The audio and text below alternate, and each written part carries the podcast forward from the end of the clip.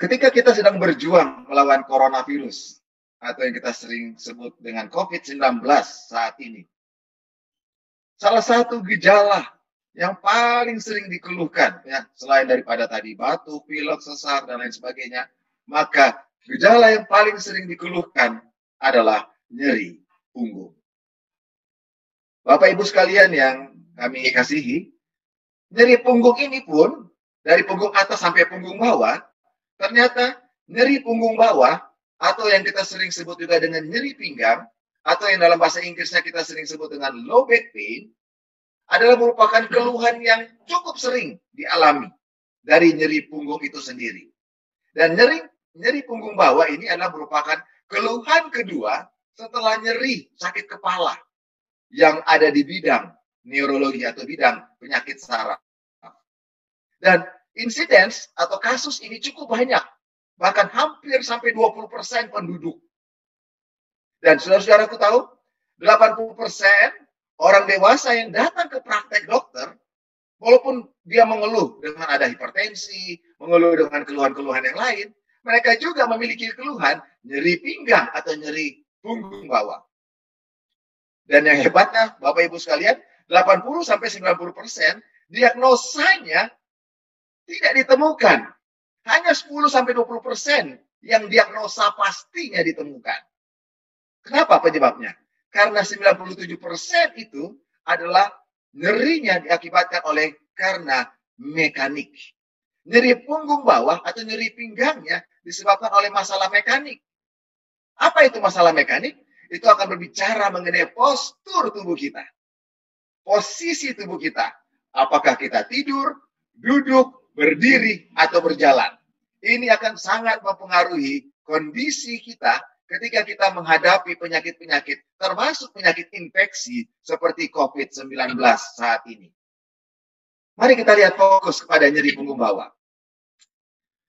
Apa sebenarnya definisi nyeri yang dimaksudkan? Seperti bagaimana apa yang kita akan pelajari bersama pada malam hari ini. Menurut uh, bagian asosiasi daripada dunia internasional yang mempelajari tentang nyeri mengatakan bahwa nyeri adalah pengalaman sensorik. Pengalaman sensorik adalah pengalaman yang bersifat sensasi yang kita rasakan. Tetapi juga itu memiliki pengalaman emosional. Jadi ada bersifat sensorik yang kita bisa rasakan melalui saraf-saraf sensorik kita, tetapi juga bersifat emosional yang tidak menyenangkan, yang diakibatkan oleh karena adanya kerusakan jaringan yang benar-benar rusak oleh karena kita cedera misalnya, kita jatuh ke atau trauma atau jaringan berpotensi untuk rusak. Dia belum rusak. Tapi sudah ada penekanan kah atau ada sesuatu yang mengganggu sehingga menimbulkan nyeri. Patofisiologi nyeri atau apa penyebab nyeri itu sendiri ada banyak faktor, Bapak Ibu sekalian. Yang pertama adalah yang kita pelajari dengan nyeri nociceptif atau nyeri inflamasi, nyeri peradangan. Di mana nyeri ini adalah yang timbul akibat adanya suatu rangsangan mekanis terhadap saraf-saraf nociceptor kita. Jadi misalnya kita kejeduk, kita kebentur, kita terjatuh, lalu timbul bengkak di tempat di mana kita terjatuh tersebut.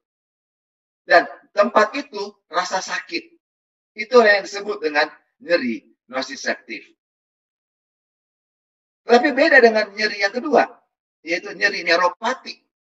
Nyeri neuropatik adalah nyeri yang timbul akibat memang gangguan utama terjadi pada sistem sarafnya.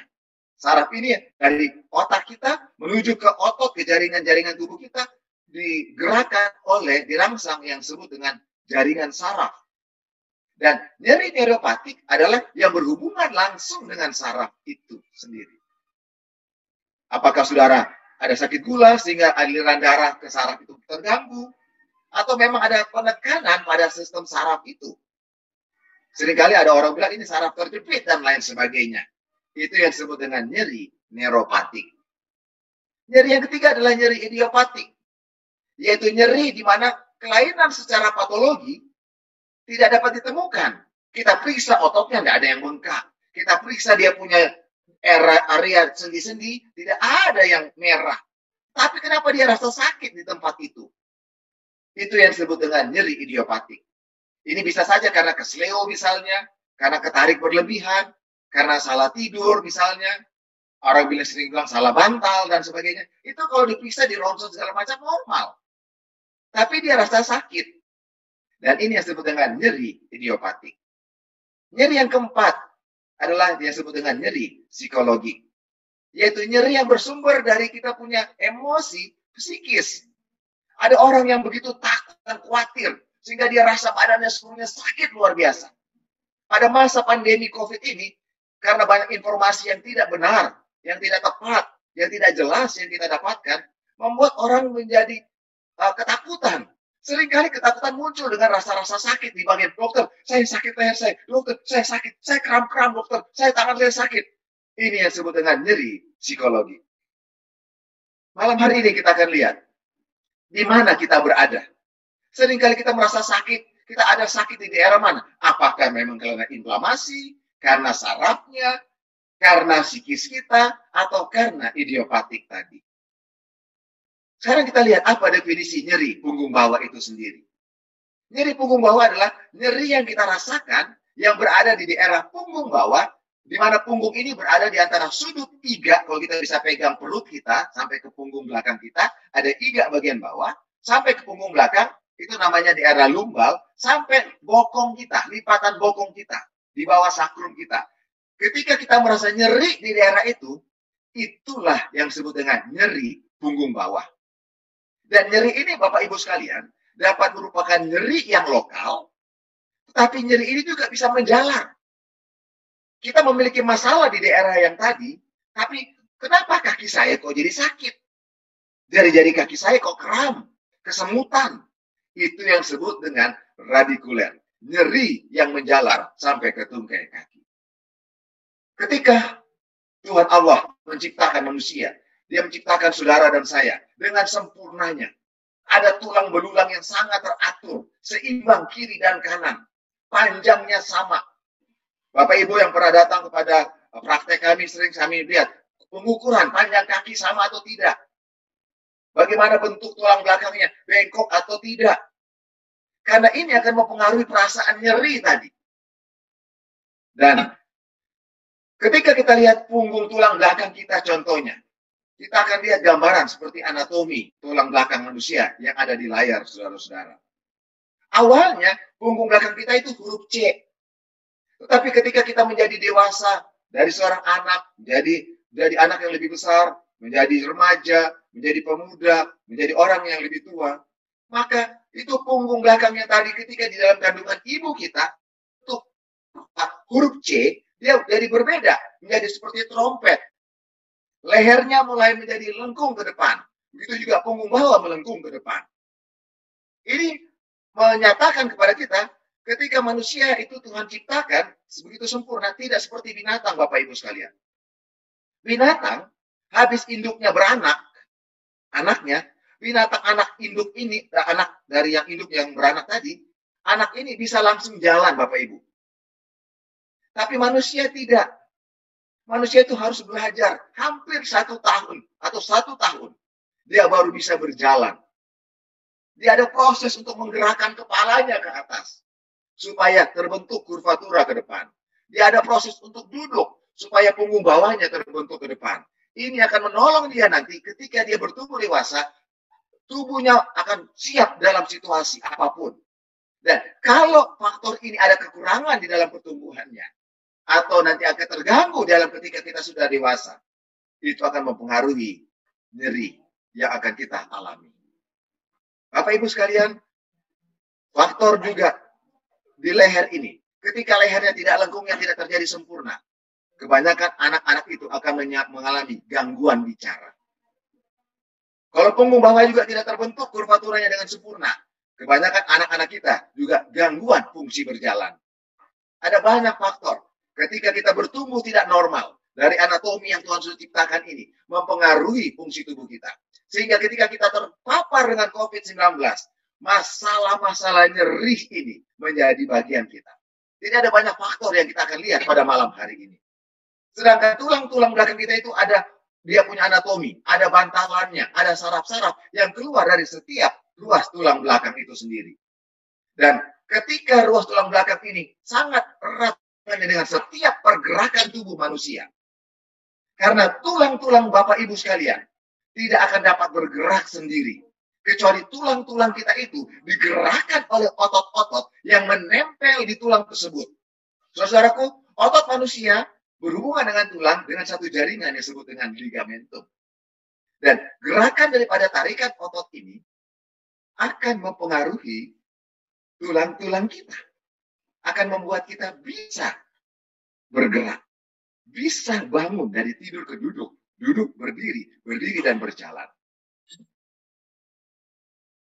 Setiap gerakan otot kita itu, apa pun itu, sekecil apa pun gerakan dari tungkai bawah, itu sangat berperan berhubungan dengan bagian atas tubuh kita. Oleh karena itu, Bapak Ibu sekalian, satu saja organ tubuh kita yang terkecil mengalami gangguan, sebenarnya gangguan ini akan dirasakan oleh seluruh tubuh manusia itu sendiri. Oleh karena itu manusia tidak bisa kita pilah-pilah. Ketika berbicara mengenai manusia seutuhnya, kita sedang berbicara manusia dari ujung kepala sampai ke ujung kaki. Oleh karena itu kita sangat lihat bagaimana Tuhan ciptakan tubuh kita. Sangat begitu indah dan begitu sempurna. Oleh karena aktivitas dan fungsi tubuh kita, kita dapat nilai melalui kerja daripada otot-otot yang Tuhan sudah ciptakan dalam tubuh kita. Laki-laki perempuan memiliki otot yang sangat seimbang kiri dan kanan, depan dan belakang, atas dan bawah. Bila mana ada yang tidak seimbang daripada kontraksi otot ini, maka membuat tulang kita jadi miring. Tubuh kita jadi bengkok atau tidak seimbang. Hal ini bisa menimbulkan nyeri yang disebut dengan nyeri idiopatik tadi. Otot kita berlapis-lapis Bapak Ibu sekalian. Dan arah otot pun bermacam-macam. Ada dari bawah ke atas, ada yang dari dalam keluar, ada yang dari uh, kanan ke kiri, ada yang dari uh, bawah, dari atas ke bawah, macam-macam. Ada yang oblik. Oleh karena itu, setiap kita menggerakkan otot kita, ada arah tertentu yang dalam dunia medis kita sebut dengan origo dan insersionya. Untuk menangani masalah-masalah ini, kita tidak langsung sembarang asal tangani. Karena kita harus mengikuti arah otot itu dengan benar. Karena kalau kita melakukannya dengan salah, maka masalah-masalah nyeri pun akan terus menjadi kronik. Oleh karena itu Bapak Ibu sekalian, nyeri punggung bawah atau yang disebut dengan nyeri pinggang atau low back pain ini disebabkan lebih banyak oleh karena 70% oleh karena yang kita sebut dengan kesleo. Kesleo pada otot yang kita sebut strain. Kesleo pada ligamentum kita sebut dengan sprain. Dan inilah yang kita sebut dengan nyeri idiopatik.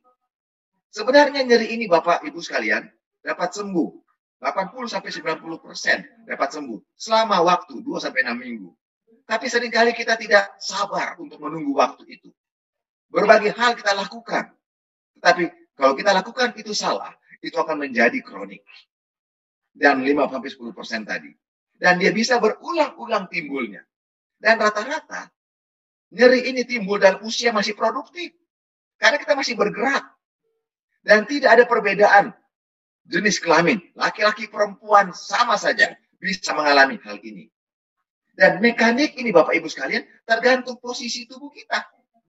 Tubuh kita, postur kita akan dapat menyebabkan ketidakseimbangan dan gangguan nyeri itu. Saudara Bapak Ibu, saudara lihat di layar saudara. Saudara miring saja berdiri, berdiri pada satu kaki yang lebih berat, maka bahu Bapak Ibu sekalian akan jadi miring. Panggul pun akan jadi miring. Dan bila mana ini menjadi terlalu lama, kita lakukan dalam uh, posisi tubuh kita, kita yang disebut dengan fungsional skoliosis, bengkok secara fungsional. Dan ini kita memerlukan latihan bagaimana penguatan, kelenturan, stabilisasi, dan ketahanan otot-otot kita. Cara kita membungkuk. Bagi saudara-saudara dalam sholat, sering ruku. Sering ada yang melakukan pekerjaan untuk uh, kita ekstensi ke belakang. Ini juga akan mempengaruhi postur tubuh kita. Tulang-tulang kita akan bergerak sesuai arah yang berbeda-beda ketika kita melakukan pergerakan. Bila mana kita juga melakukan gerakan memutar seperti gambar. di sini. Akan ada rotasi, bahkan bukan cuma satu bagian yang memutar, sampai sampai kepala kita, kaki kita, gerakan-gerakan yang terus terjadi perputaran dari semua sendi tubuh kita. Saudara, ketika kita main golf misalnya, ada perputaran tertentu. Saudara bisa lihat bagaimana panggul kita bisa berputar sampai sangat luar biasanya. Dan kalau kita salah saja melakukan hal tersebut, saya lihat sini ada teman-teman saya yang sering kalau datang kepada kami sering mengeluh habis main golf selalu mengalami gangguan. Ya, mudah-mudahan apa yang kita pelajari pada malam hari menolong kita melihat bagaimana cara kita melakukan dengan benar. Karena Bapak Ibu lihat di gambar kita ini, ketika kita melakukan gerakan berputar saja, dari tulang belakang kita itu, bantalannya pun akan langsung menonjol. Dan ini kalau terjadi menetap, ini akan sebut dengan kalau kita lihat di foto, ada bulging. Ini akan menekan sistem jaringan yang ada di sekitarnya. Dan bantalan itu sendiri terdiri dari air sebenarnya.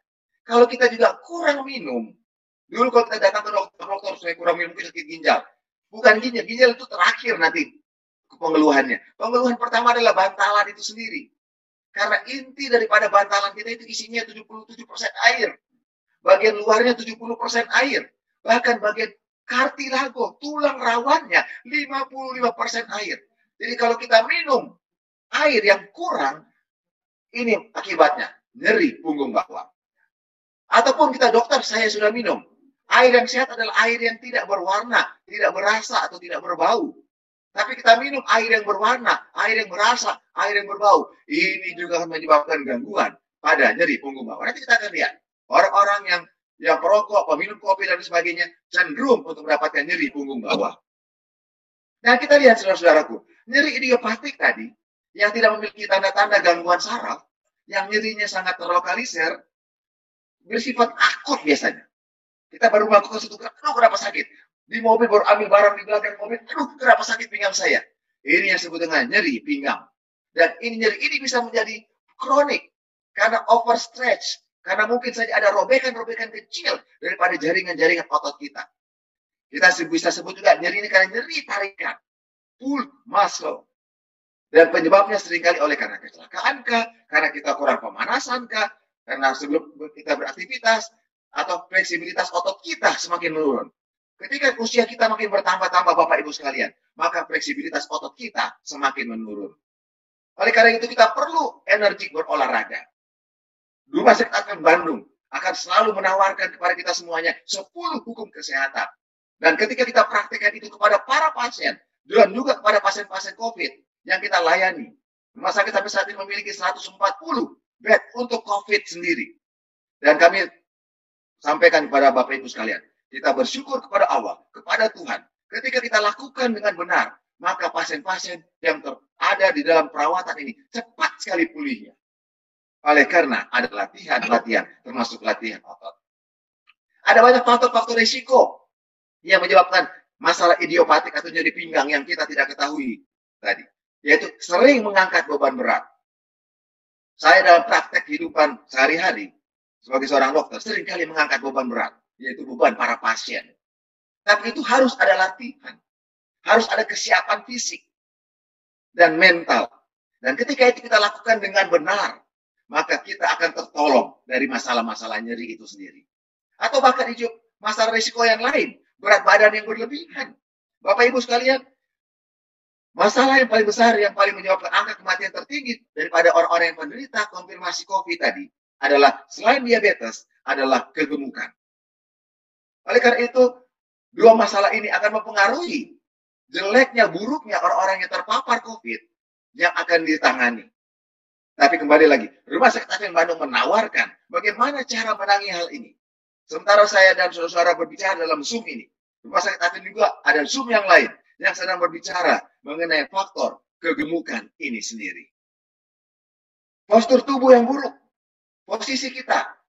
Zaman di zaman elektronik sekarang orang lebih banyak duduk di depan komputer, membuat postur tubuh kita menjadi buruk, memudahkan kita gampang mengalami nyeri atau aktivitas pekerjaan yang berulang-ulang di dalam satu peristiwa. Atau kita kurang gerak badan, merokok, meminum kopi, dan lain sebagainya. Saudara lihat, kalau postur tubuh kita yang buruk seperti begini, Yang normal yang ada di sebelah kiri. Kalau kita terlalu ke depan, seperti orang ibu hamil, dia akan ke depan, akan langsung timbul. Aduh dokter, pinggang saya sakit. Kami banyak dikonsulkan oleh teman-teman dokter sejawat, dokter obstetri ginekologi. Yang mengeluhnya di punggung bawah ketika mereka sudah hamil yang lebih besar. Saudara-saudara, postur tubuh kita, kita harus jaga dengan benar.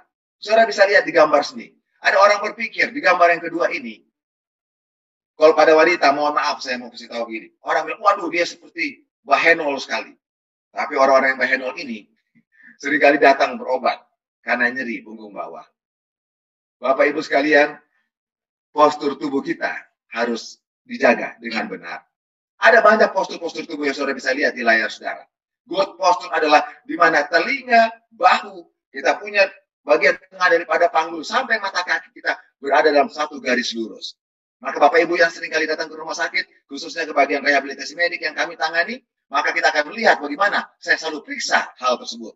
Karena ketika terjadi gangguan postur seperti yang saudara lihat di depan di layar saudara, akan memudahkan timbul nyeri punggung. Bukan hanya di punggung bawah, bahkan sampai di punggung atas, sampai di leher, bahkan sampai di kaki. Cara jalan, wanita sering kali memakai hak tinggi, ya kan? Juga mempengaruhi hal tersebut.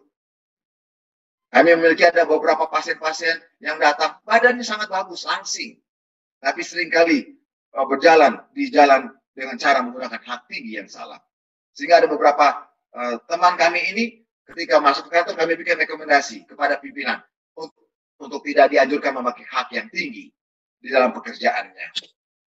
Ada cara, karena begitu santai dengan kursi-kursi santai di komputer, sekarang anak-anak dengan HP sambil nonton.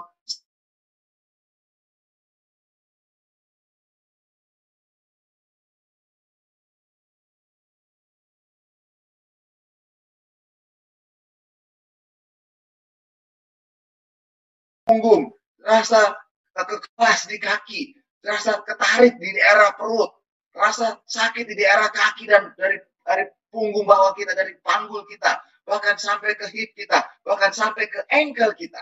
Bapak Ibu bisa lihat postur tubuh kita yang salah dari kepala sampai ke kaki bisa terjadi nyeri.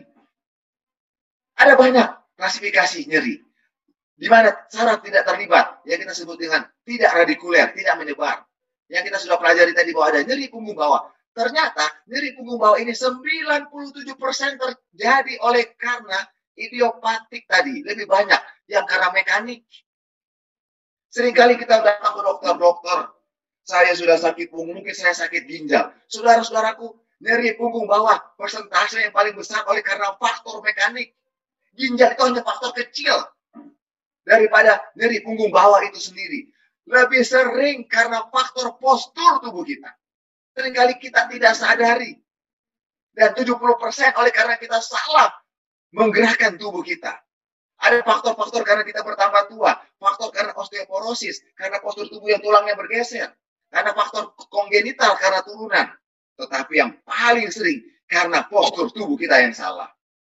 Radikuler yang lain, tapi yang bukan mekanik. Ini karena penyakit-penyakit seperti ada kanker, ada infeksi, ada penyakit-penyakit yang autoimun dan lain sebagainya. Seperti gambar yang saudara bisa lihat di layar saudara. Sekarang bagaimana dengan nyeri yang sarafnya terlibat? Yang kita sering sebut dengan HNP. Ada fraktur, patah karena jatuh sehingga ada tulang yang menjadi kompresi, jadi jadi pipi. Ada ada spinal stenosis, ada tekanan kepada sistem saraf dari otak ke kaki. Dan ada gangguan neuropati. Ini berhubungan dengan saraf, tapi itu hanya sedikit sekali. Hanya bagian 3% tadi. Dan saudara bisa lihat di layar, saudara. Bagaimana saraf itu terlibat? Postur tubuh kita yang salah, yang tadi, tanpa kita sadari, ada penonjolan yang dari bantalan tadi, itu yang bisa menekan sistem saraf kita salah satunya. Dan inilah gambar-gambar yang saudara bisa lihat. Bagaimana saraf-saraf itu bisa ditekan oleh bantalan yang keluar karena postur tubuh kita yang salah, yang terus-menerus. Kita duduknya miring, kita bacanya miring, kita di komputer miring, tidak tegap, dan lain sebagainya. Ini akan sangat mempengaruhi seperti penekanan saraf, di mana saraf itu terlibat. Apa yang terjadi ketika saraf itu terlibat? maka penekanan di daerah punggung, saudara bisa lihat di layar saudara di bagian kanan, penekanan yang warna merah ini tertekan situ, maka nyeri saudara sering kali bukan terasa di bagian punggung itu, tapi nyeri mungkin sampai di bawah, sampai di mata kaki. Ada pasien yang datang kepada kami, datang dengan keluhan, dokter saya sakit cuma, cuma di kaki. Saya bilang, ibu, bapak sakitnya dari atas ini. Ah, nggak mungkin dokter. Bapak ibu sekalian, ini yang disebut dengan nyeri di mana saraf itu terlibat.